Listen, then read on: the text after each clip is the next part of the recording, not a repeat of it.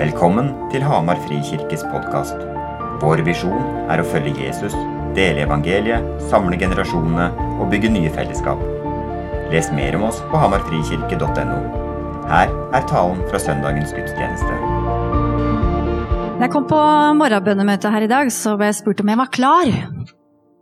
Og så har jeg ja, det er jeg, er jeg klar, men jeg er kald. Er ikke skapt for det klimaet her. Og det klimaet vi har hatt i det siste, det minner meg sterkt om da jeg var i Sibir. Og der har jeg vært to ganger, tro det eller ei.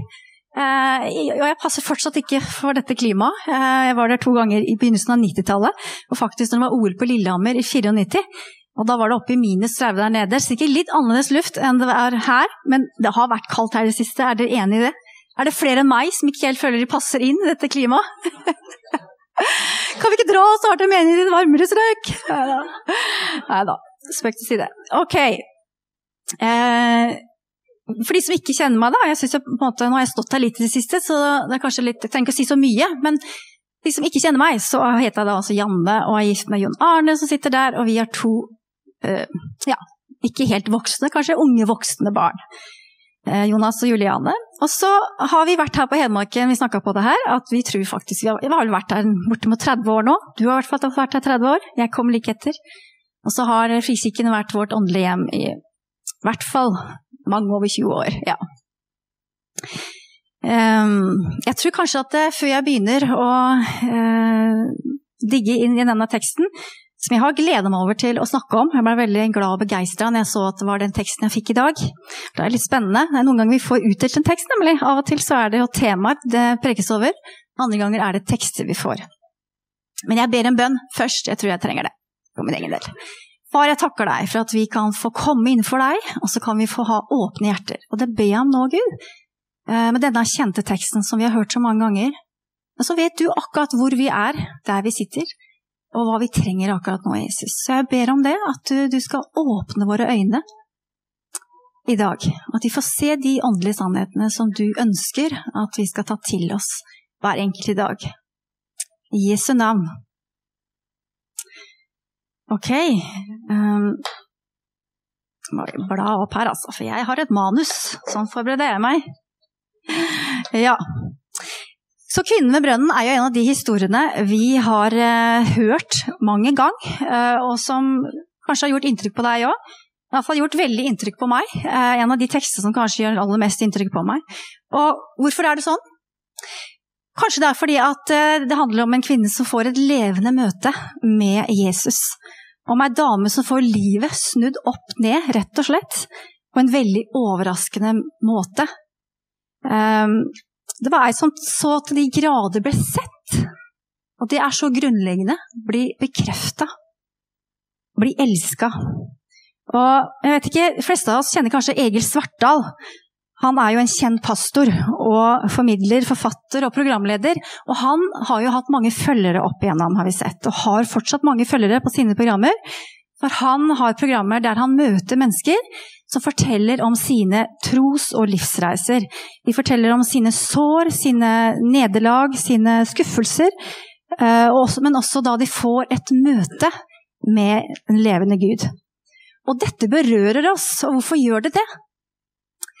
Det tror jeg er rett og slett kanskje fordi vi kan kjenne oss litt igjen. Det er menneskelig. Han kommer nært på, og det er personlig.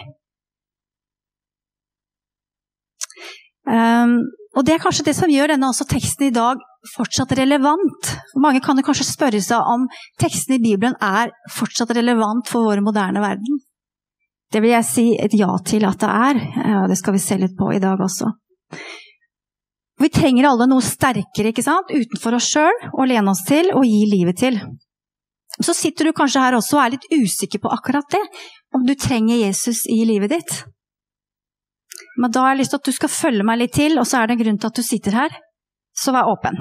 Ha forventning til Gud, det pleier jeg å bruke å si. Ikke til meg, men til Gud. Da skal vi få teksten opp på skjermen, Eivind. Og så tror jeg faktisk tar det fra vers 1. Jeg syns det er eh, naturlig. Så skal vi få høre ordet. Johannes kapittel 4, vers 1-26. Jesus fikk nå vite hva fariseerne hadde hørt, at han han vant flere disipler og døpte flere enn Johannes.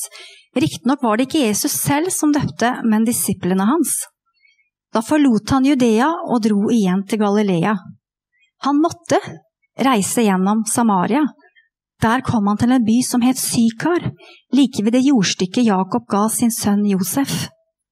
Der var Jakobkilden. Jesus var sliten etter vandringen, og han satte seg ned ved kilden. Det var omkring den sjette time. Da kommer en samaritansk kvinne for å hente vann, og Jesus sier til henne, La meg få drikke. Disiplene hans var nå gått inn til byen for å kjøpe mat. Hun sier, Hvordan kan du som er jøde, be meg, en samaritansk kvinne, om å få drikke? For jødene omgås ikke samaritanene. Jesus svarte, Om du hadde kjent Guds gave og visst hvem det er som ber deg om å drikke, da hadde du bedt ham, og han hadde gitt deg det levende vann. Herre, sa kvinnen, du har ikke noe å dra opp vann med, og brøden er dyp, hvor får du da det levende vannet fra? Du er vel ikke større enn vår stamfar Jakob? Han ga oss brønnen, og både han selv, sønnene hans og buskapen drakk av den. Jesus svarte, den som drikker av dette vannet, blir tørst igjen, men den som drikker av det vannet jeg vil gi, skal aldri mer tørste. For det vannet jeg vil gi, blir i ham en kilde med vann som veller fram og gir evig liv. Kvinnen sier til ham, Herre, gi meg dette vannet, så jeg ikke blir tørst igjen og slipper å gå hit og hente opp vann. Da sa Jesus til henne, Gå og hent mannen din, og kom så hit. Jeg har ingen mann, svarte kvinnen. Og du har rett når du sier at du ikke har noen mann, sa Jesus, for du har hatt fem menn, og han du nå har, er ikke din mann. Det du sier er sant. Herre, jeg ser at du er en profet, sa kvinnen.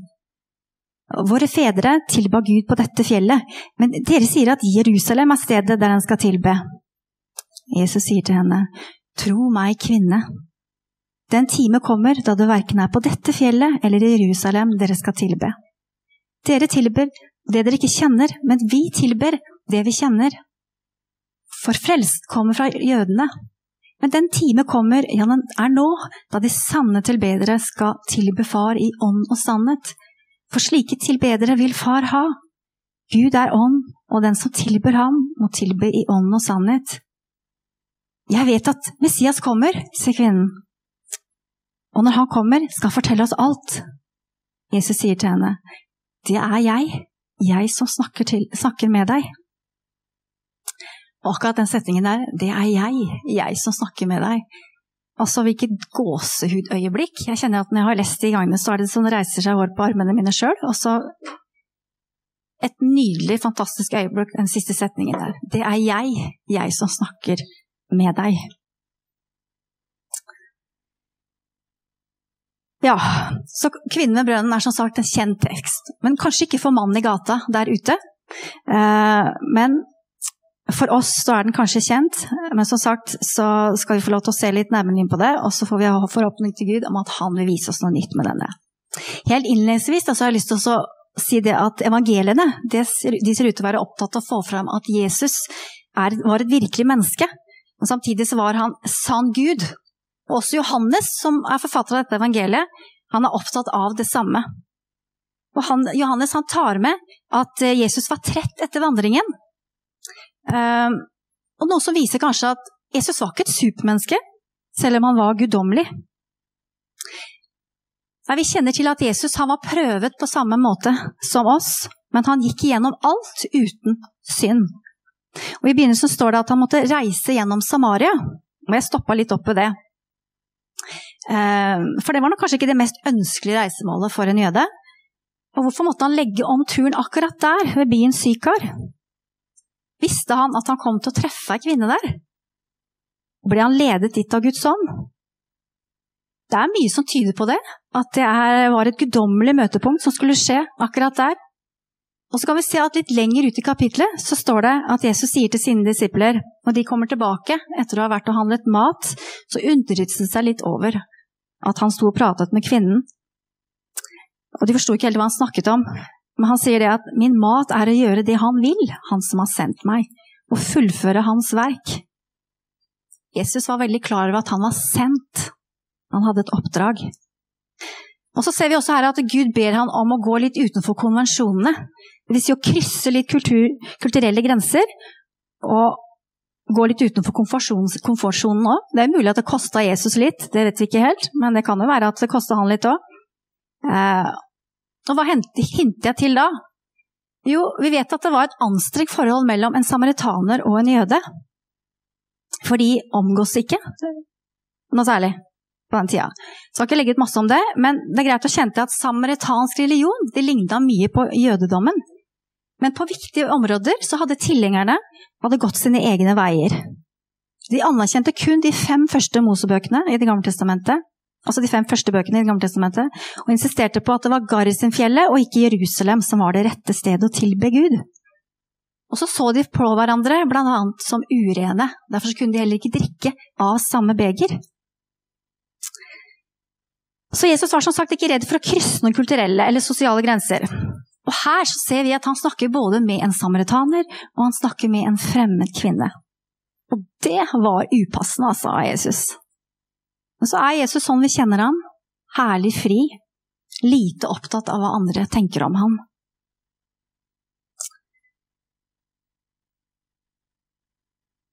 Så får vi dette herlige, nydelige møtet mellom disse to. Se for deg denne kvinnen. Hun kommer altså traskende i stekende varme. Det er midt på dagen, mest sannsynlig rundt klokka tolv ifølge jødisk tid, og hun bærer antagelig på en krukke, eller kanskje flere. Men aller tyngst var kanskje det hun gikk og bærte på, og hadde nok et, noe mer tyngende i sin bagasje den dagen som hun kom med til brønnen. For hun kommer alene, og hun velger den verst tenkelige tiden på dagen, der hun tenker at hun ikke kommer til å møte noen. Hun vil være fri fra blikk og kommentarer. Hva bærer denne kvinnen på, egentlig? Og så skuler hun kanskje bort på denne frimodige mannen som ber henne om noe å drikke. Noe så uhøflig og upassende. Ikke nok en mann som vil ha noe av henne. Kan du ikke bare få være i fred? Hvem er han? Og så får vi vite at disiplene har gått i forveien inn til byen for å kjøpe mat. Kanskje det var sånn at Jesus, akkurat det var viktig for Jesus, å få dette møtet alene med denne kvinnen. Uten noe innblanding fra disse her, disiplene som ikke alltid forsto seg på hva Jesus drev med. Og dette møtet, da. En far som møter sin bortkomne datter. Hun bare vet ikke ennå at det er hun som er datteren. Og at denne frimodige, men også varme mannen er hennes himmelske pappa i vid forstand. Men hvem er han? Og så viser Jesus oss gang på gang i alle sine møter med enkeltmennesker i Bibelen at han ønsker å møte alle typer mennesker. I kapittelet før Johannes 3 så får vi høre om Nikodemus, en av jødenes rådsherrer, som oppsøker Jesus om natten i det skjulte for å ha en fortrolig prat. Og ordlyden er ulik, men så er det budskapet hele tiden det samme, og det er den som ikke blir født på ny, kan ikke se Guds rike. Hvordan bli født på ny, da? Og Både kvinnen og Nikodemus tar Jesus sine ord bokstavelig. Nikodemus spør Jesus hvordan kan en som er gammel, bli født på ny? Og kvinnen hun blir praktisk og spør Herre, du har ikke noe å dra opp vann med, og brønnen er dyp, hvor får du da det levende vannet fra? Og her kan vi kanskje kjenne oss igjen. Kan vi det? Og er det ikke sånn at det ikke alltid er så lett for oss mennesker å fange opp de åndelige sannhetene? Vi trenger nemlig alle hjelp for å se. Og så svarer ikke Jesus direkte på spørsmålet hennes, han svarer indirekte. Hvorfor gjør han det? For det første så tror jeg det at eh, Jesus var veldig klar over at hun ikke kom til å forstå uten at det blir åpenbart for henne at Guds, ved Guds ånd Åpenbare er jo kanskje et litt vanskelig ord, men øh, ja, synonymt kan det kanskje være det å, å, forklare og klargjøre. Han visste at det er Guds ånd som må overbevise. Og for det andre så kan det være at Jesus ikke ville gi seg ut i en diskusjon med henne. Han hadde nemlig en agenda den dagen. Noe han ville si, han verket etter, tror jeg, og ville fortelle henne hvem han var. At hun skulle få et møte med han, samtidig et møte med seg sjøl møte med han som kunne redde og frelse henne fra henne selv. Kanskje det rett og slett hastet? Han hadde noe viktigere å få sagt enn å svare på om han var større enn deres stamfar Jakob. Og det er helt tydelig at kvinnen hun sliter med å forstå. Det ser vi. I vers 15 så sier hun, men Herre, gi meg dette vannet, så jeg ikke blir tørst igjen, og slipper å gå opp hit og hente vann. Og det er her må Jesus svare at vi får et tydelig skifte i teksten, en tydelig spenning mellom disse to. For her kommer Jesus skremmende tett på. Gå og hent mannen din, og kom så hit. Da skifter plutselig kvinnen helt tema. Hun har ikke så lyst til å snakke om seg sjøl. Det er jo veldig forståelig. Tror du hun hadde bare behov for å få fokuset bort fra seg sjøl, samtidig som jeg kan også lure litt på Jeg hadde ønske om å sette Jesus litt fast. Hadde ønske om å vise litt at hun hadde noe kunnskap om historien. Hun var jo plutselig litt, begynt å bli litt avslørt på hvem hun var, som kanskje var litt utstøtt. Det er ikke godt å si, det står ikke noe klart om dette. Men jeg tror kanskje det mest sannsynlige er at hun hadde behov for å få øynene bort fra seg sjøl. Hvor lett er ikke det akkurat det? Ja, det er noen flere som har noe de skulle sagt her i dag. I Jesu navn. Men hvor lett er det ikke at vi tar, også, også unnviker Guds øyne noen ganger? Eh, den, den sier setningen sier jeg en gang til, så vi rett og slett får oss med oss det. For hvor lett er det ikke at vi også, dere, ikke alltid er åpne for å ta imot den sannheten Gud prøver å fortelle oss? Alle unnskyldningene vi har, eller bortforklaringene vi har, skylder på alt og alle uten å ta tak i eget liv. Og denne kvinnen hun tar opp et gammelt stridstema om hvor en skal tilby og hvem som har rett. Og så svarer Jesus, tro meg, kvinne, den time kommer da det verken er på dette fjellet eller i Jerusalem dere skal tilbe far. Hva mener han med dette? Ja, og igjen, da. Jeg kjenner meg igjen her òg. Vi kan jo lett henge oss opp i ting, kan vi ikke det? Ting vi kan være uenige i som troende. Og som er, det kan være mindre vesentlige ting, det kan være store, viktige ting som gjør at det skaper splittelse mellom oss. Som gjør at vi sårer hverandre. Noen forlater til og med fellesskapet. Gir opp menighet. Andre leter etter en annen og bedre forsamling. Når det røyner litt ekstra på. Vi dømmer hverandre, og vi står i fare for å miste enheten oss imellom som troende. Jeg tror at vi, har lett, vi kan ha tendens til å måle hverandres åndelighet. Se ned på hverandre. Kanskje ikke like andres måter å be på. Ja, det kan handle om form, på lovsang. Tallige ting vi kan henge oss opp i. Vi er trossøsken og har blitt, har blitt eh, beordret til, sagt, det ble sagt at vi skal, få, vi skal, elske hverandre. Og Det ble minnet på på morgenmøtet i dag. Da var jeg de som leda bønnemøtet som sa det. At vi, skulle, vi er kalt å elske hverandre. og Hun kjente spesielt på det i dag. Og Derfor har jeg lyst til å legge litt ekstra trykk på det også. Eh, nå når vi skal gå inn i en spesiell tid i denne menigheten også. Og til morgendag fikk jeg en spennende melding fra ei pastorkone et annet sted i landet som jeg kjenner til. Hun lurte på om jeg kunne be for henne og mannen, for de sto i vanskelige ting i menigheten. Så dette er alvorlige ting og som vi trenger Gud på. Jeg tror vi trenger alle å søke Guds hjerte og be om kjærlighet og visdom i møte med hverandre. Ok, tilbake til teksten. Nå begynner, nå begynner kvinnen å ta Jesus på alvor. Hun sier, 'Herre, jeg ser du er en profet', sa kvinnen. Og så håpet hun kanskje med det å få svar på en gammel feide. Men Jesus igjen, han ønsker tydelig å vise hvem han er, og han ønsker nok å nå inn til denne dama. Han har en plan, og så ser vi etter hvert nå at han avslører hennes livssituasjon, og hun blir avkledd. Men det viktige her dere, er at det skjer ikke i en dømmende tone. Ikke en anklagende tone, men i kjærlighet. Han kommer med sannheten i kjærlighet. Og han forlater henne ikke der heller, avslørt og avkledd.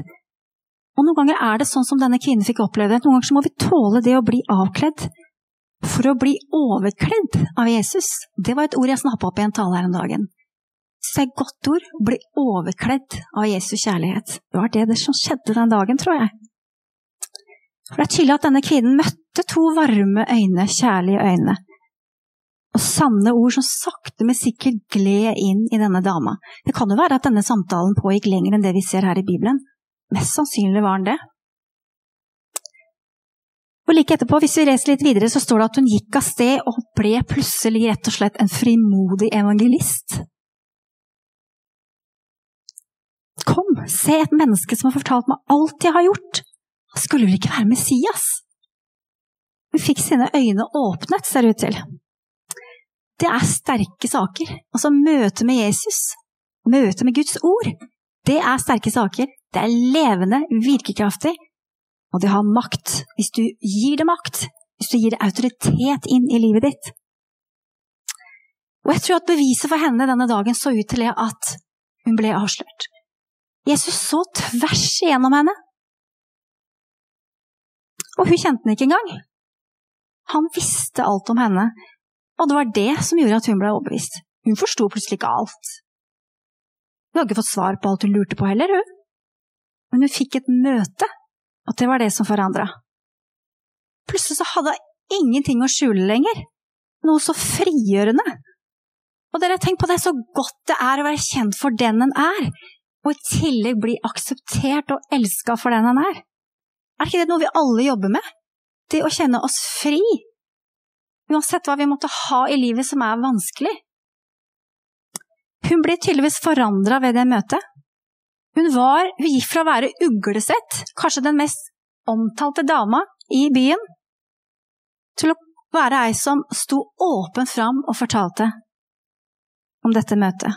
Ikke en stor dag for denne kvinnen, og for resten av byen, faktisk, for det står jo at Jesus og disiplene ble værende der i to dager til. Så fikk de også et møte med denne Jesus, og de sa at ja, nå tror vi ikke lenger bare for det du har fortalt, men vi tror for vi har hørt ham selv. Og akkurat det er vesentlig. Det å erfare selv, høre selv, lytte og ta imot.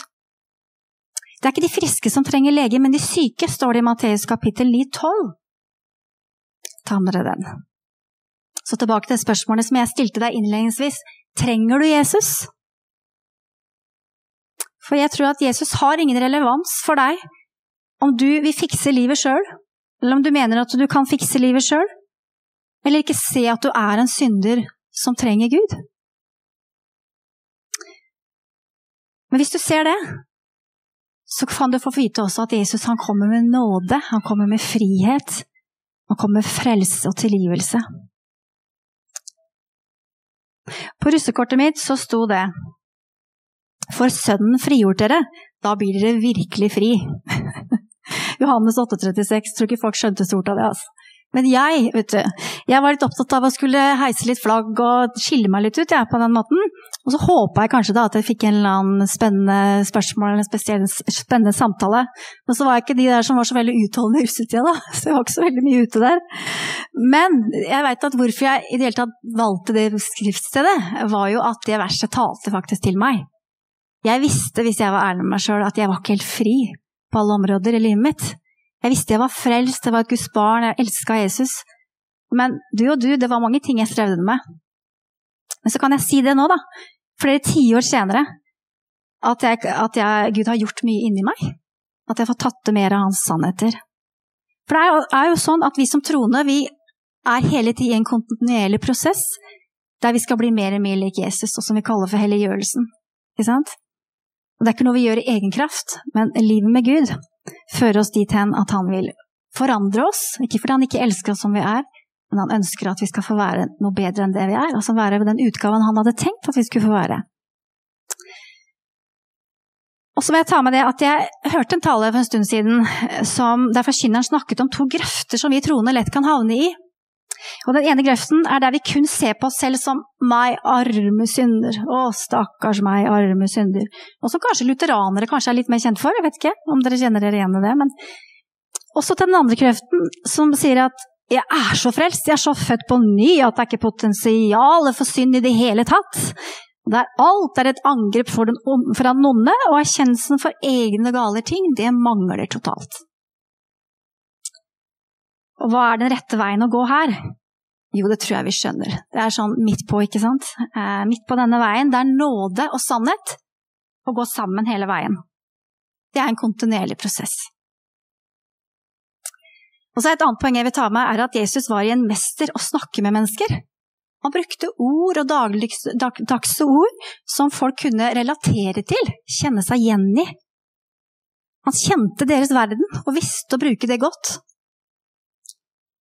Som her hvor han hvilte ved Jakobsbrønnen, eller Jakobskilden, står det et annet sted. Så kom han bare da helt naturlig inn på dette med det levende vannet. Her så han en mulighet. Og så tenker jeg, Janne, ser du de mulighetene du får? Gjør vi det? Ser vi de mulighetene der vi er? Og Ifølge mine kilder så brukes levende vann her om rennende vann, i motsetning til stillestående vann. Og her spiller Jesus på en sånn billedlig betydning. På det vann som gir evig liv, og som han selv kommer med. Dette vannet det er et bilde på Jesus og Den hellige ånd, som vi alle mottar når vi tar imot frelsen. Og jeg må si at jeg sjøl kjent på dette brusende vannet inni meg. Det gjorde jeg sist jeg sto her på låssangen forrige søndag, og det er nesten så jeg vet ikke hvor jeg skal gjøre av meg, for det bare kjenner at det bare fylles opp.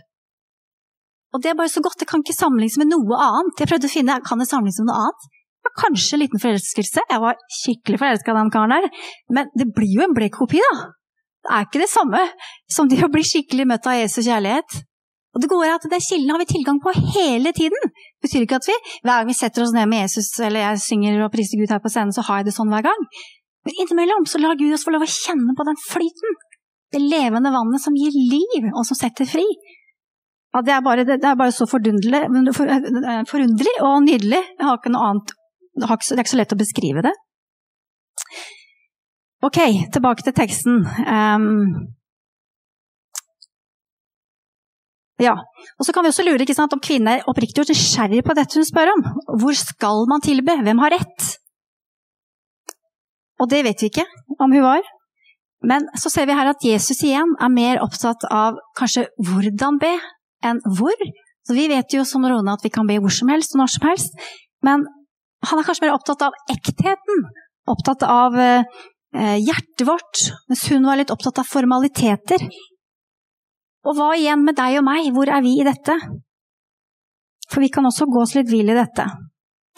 Og Bibelverset Jesaja 29, 13 har lyst til å ta med i den forbindelse. Herren sa dette folket kommer nær meg med munnen og ærer meg med leppene, men hjertet er langt borte fra meg. Igjen dette med hjertet. Hvor er hjertet vårt? Skal ikke si så veldig mye mer om dette med å tilby ånd og sannhet, for det er nok en egen preken i seg sjøl. Det kan vi ikke gå så mye inn på nå. Ehm, men jeg har lyst til å ha med meg en ting til, og det er det at eh, Har du tenkt på det at når kvinnen kom til denne brønnen, så var Jesus allerede der? Og det er det som er så nydelig med Jesus, syns jeg. At han, det er han som tar initiativet i møte med oss. Det er han som kommer. Han som kaller på oss. Han som elsket oss først. Ikke omvendt. Vi er utvalgt. Det er ikke vi som velger han, på en måte. Vi velger han til syvende og sist, men det er han som kommer oss i møte først. Det er ikke så mye vi kan rose oss av, egentlig. Rett og slett. Hvorfor kaver vi likevel så mye i vår eh, søken etter han? Og så sier kvinnen i vers 25 Går jeg mot slutten etter hvert, altså. Jeg vet at Messias kommer, og når han kommer, skal han fortelle oss alt. Og så tenkte jeg, bar denne kvinnen på et håp denne morgenen når hun gikk til brønnen? Var hun tørst? Hva var det som gjorde at hun fikk møte Jesus akkurat denne morgenen eller dagen? Var hun moden til å plukkes, som vi ofte snakker om? Folk er modne til å plukkes. Visste Jesus det? Og så ser det sånn ut når vi leser litt videre, at han var på rett sted til rett tid. Og akkurat det kjenner jeg blir en lengsel i meg òg, i mitt hjerte. At jeg ønsker å lære av Jesus, av hans møte med mennesker, hvordan han møtte dem, og det å være Guds svar til noen til rett tid, til rett, på rett sted.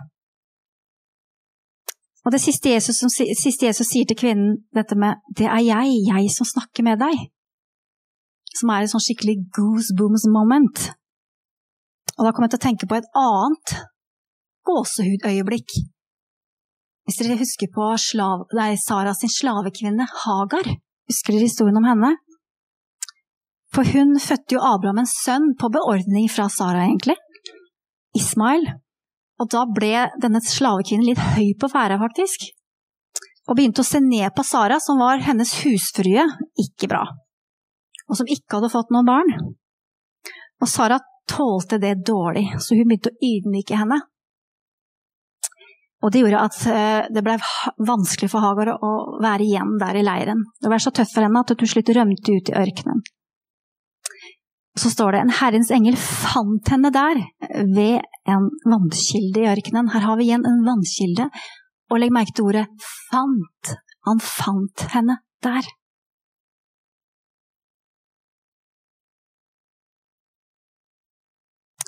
Og så sier denne engelen, Hagar, Saras slavekvinne, hvor kommer du fra, og hvor går du hen? To viktige spørsmål. Hvor kommer du fra, og hvor går du hen? Og så kom denne engelen med noen oppmuntringsord, en profeti til henne og ba henne om å gå tilbake, ikke gi opp. Og dette møtet det gjorde så tydelig inntrykk på Hagar at hun kalte dette navnet på Herren som hadde talt til henne, Du er en Gud som ser meg. Og Hvis det er noe jeg har lyst til å kalle denne prekenen i dag, så er det en Gud som ser, og som setter fri. Det er han vi tror på. Og det bare det begeistrer meg at det er Ja, det begeistrer meg at han er en Gud som ser.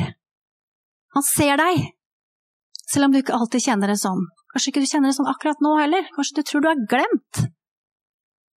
Du er ikke det. Du er aldri glemt. Her er vi to forskjellige kvinner med forskjellig utgangspunkt og liv, men med samme erfaringen som mange av oss andre. For det er nemlig viktig å erfare og bli sett og elska. Tenk hva denne kvinnen ved brønnen måtte ha følt den dagen. Her hadde hun gått og kjempet med sine indre og kanskje ytre kamper lenge. Så kommer denne underlige, fantastiske Jesus og forandrer livet hennes på noen få minutter. Og jeg kan se henne for meg der hun går med raske skritt tilbake til byen, ivrig etter å fortelle. Og det bruser på innsida, hun holder på å bare sprenge av glede.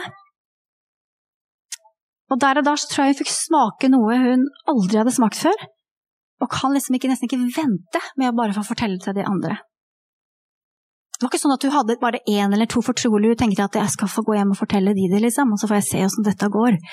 Nei, hun bare Det står ikke at hun sprang, men hun gikk tilbake til byen. Jeg ser for meg at hun går med raske skritt tilbake og er ivrig etter å fortelle om det nye som har skjedd. Og hvor var skammen blitt av? Fordømmelsen og skyldfølelsen hun har gått og kjent på så lenge? Jeg tror at den dagen tror hun la den fra seg, ved der ved brønnen med Jesus. Kanskje hun tenkte på å legge den fra seg engang, den blei bare tatt av henne. Båret av hennes skulder. Du er så elska, og du er kalt ved navn, og du er sendt. Og så trenger vi ikke nødvendigvis å gå utafor landets grenser for å fortelle, men vi kan være misjonærer der vi er. Noen vil nok sikkert også snakke om denne teksten som et misjonsbudskap, og det er det jo på mange måter også. Så jeg har lyst til å avslutte med Johannes 7, 37, litt lenger ute i kapittelet, der Jesus sier at den som tørster, skal komme til meg og drikke. Den som tror på meg, fra hans indre skal det, som Skriften sier, renne, el renne elver av levende vann. Og det er dette som er gaven som Jesus vil at vi skal få lov til å, å åpne og ta imot. Han vil at øynene våre skal åpnes, så vi kan se. Se de sannheter han vil gi oss, se hvem han er, hvem vi er i han. Og så blir bare oppgaven for deg og meg er egentlig bare det å være åpen og ta imot. Jeg har bare lyst til å be en bønn til slutt. Takk, Jesus. Takk, himmelske Far, for at du er en sånn enorm, stor og god og kjærlig Gud. Takk at det er deg vi får tilbe her hver søndag. Takk at det er deg vi kan våkne opp til hver dag, Jesus. Jeg har lyst til å be om det, Far, at vi alle blir virkelig fylt av, mer og mer fylt av din ånd og din kraft og din kjærlighet, Jesus. Så vi kan både holde oss nær til deg, elske hverandre, Jesus, men også huske på de der ute som trenger deg, Jesus. Du ser hver eneste sjel. Du lengter etter at mennesker skal komme til deg. Du elsker å reise opp den som er undertrykt. Å reise opp den som har små og lave tanker om seg selv. Du ønsker å forandre Jesus. Takker deg for det. Amen.